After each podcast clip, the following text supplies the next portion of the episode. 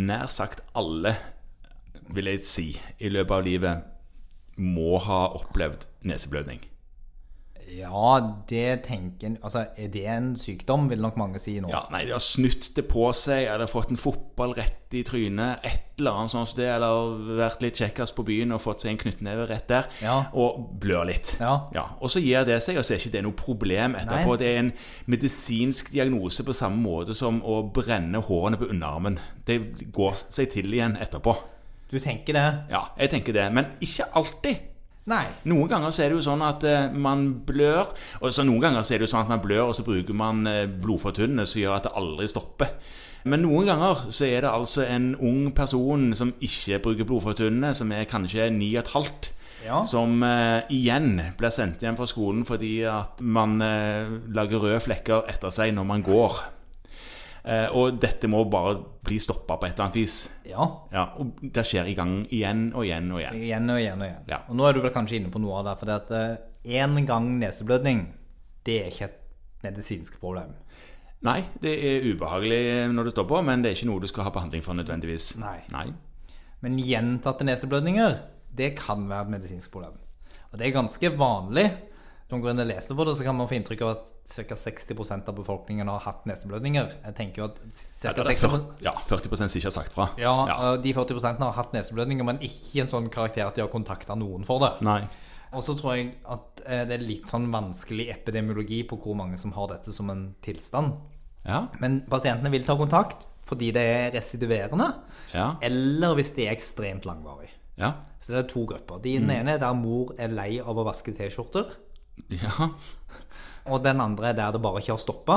Ja. Og da kommer de jo ofte inn akutt. Ja. Så vi må dele på det først. Hvis vi først snakker om de som, som har høyt sånt vaskebudsjett, så har de ofte en disposisjon for det.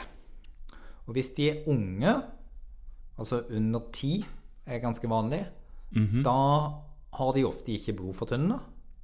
Da har de bare en veldig, veldig overfladisk liggende blodåre eh, på dette locus kiselbarki, som du kanskje har hørt om i ja. studien. Fremme på septum, Ja. helt eh, oppe der. Og det gir da det vi kaller for fremre blødninger. Man Ja. kan ha både fremre og bakre blødninger, men i denne gruppen så er fremre blødninger mest vanlig. Og det er jo fordi at dette punktet kanskje har vært utsatt for noe mekanisk belastning, eller har blitt pilt i nesen, som det så fint heter.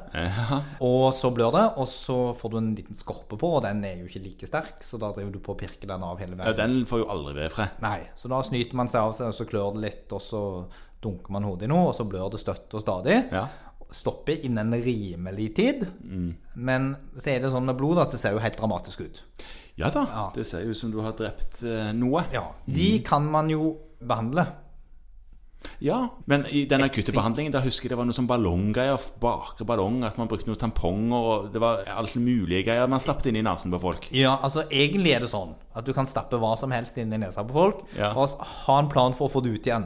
Ja, ja, Ja. ja. Eh, Så det finnes jo sånne flotte sånne eh, svamper Ja. som man kan stappe inn i hvis det ikke vil gi seg.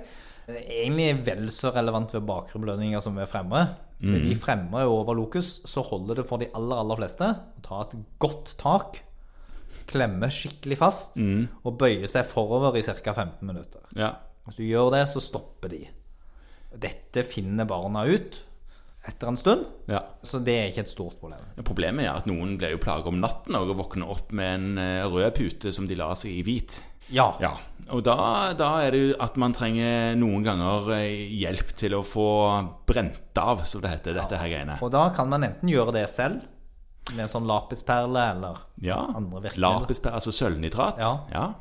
Eller så kan man henvise til en lokal ørenes-halslege som driver med sånt. Ja, de syns jo dette her er kjempestas, tipper jeg. Det er sånn eh, Det er nok en grei prosedyre. Ja, det er en grei prosedyre men, som jeg tipper at de har ganske mye av. Ja. Mm. Så det er helt fint å gjøre. Bakre blødninger, der nytter det ikke å sitte og klemme over neseroten.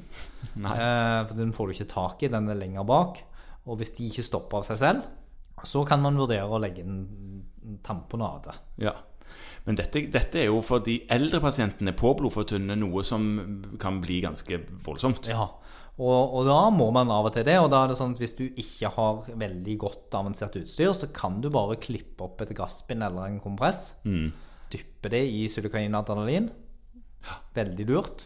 Ja, for det er konstruktivt. Det er kalkkonstruktivt og bedøvende, fordi at det å trykke et helt gasspinn opp i nesen eh, altså, Alle som har tatt Litt nå etter en- litt, selvsagt. Ikke prøv hele på en gang, men sånn litt etter litt, Ja. det, det er ikke en behagelig opplevelse. Men det funker som tusen.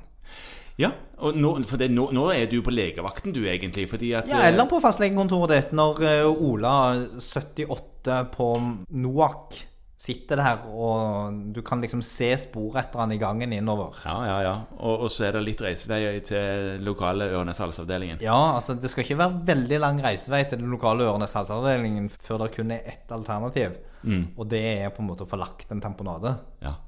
Så det er lenge siden nå, men det har jeg gjort på kontoret her. ja. Det er sånn at det må man bare få til, og så får man snakke med en Ørenes halslege etterpå som kan rive seg i håret hvis han har, eller hun, ja. og- over ja. at hvordan dette så ut, men stoppe blødningen må man. ja. Og så er det det at hvis de blør gjentatte ganger og er godt voksne, så skal man huske å utrede om de har generelt forhøya blødningsrisiko. Ja, ja. Det kan være Det skal en ikke- koagulasjonsdefekt, ja. Ja, det kan være en malinsykdom, og det kan være en trombocytopeni. Altså det, Ja. det kan være ting som gjør det. Så jeg tror ikke vi skal utrede som, som gode allmennleger, så utreder vi jo ikke alt på første symptom alltid. Men gjentatte symptomer, godt voksne folk som får Mm. nyoppstått neseblødninger, ikke har vært plaget med det før, skal utredes. Viktig å huske. Veldig bra.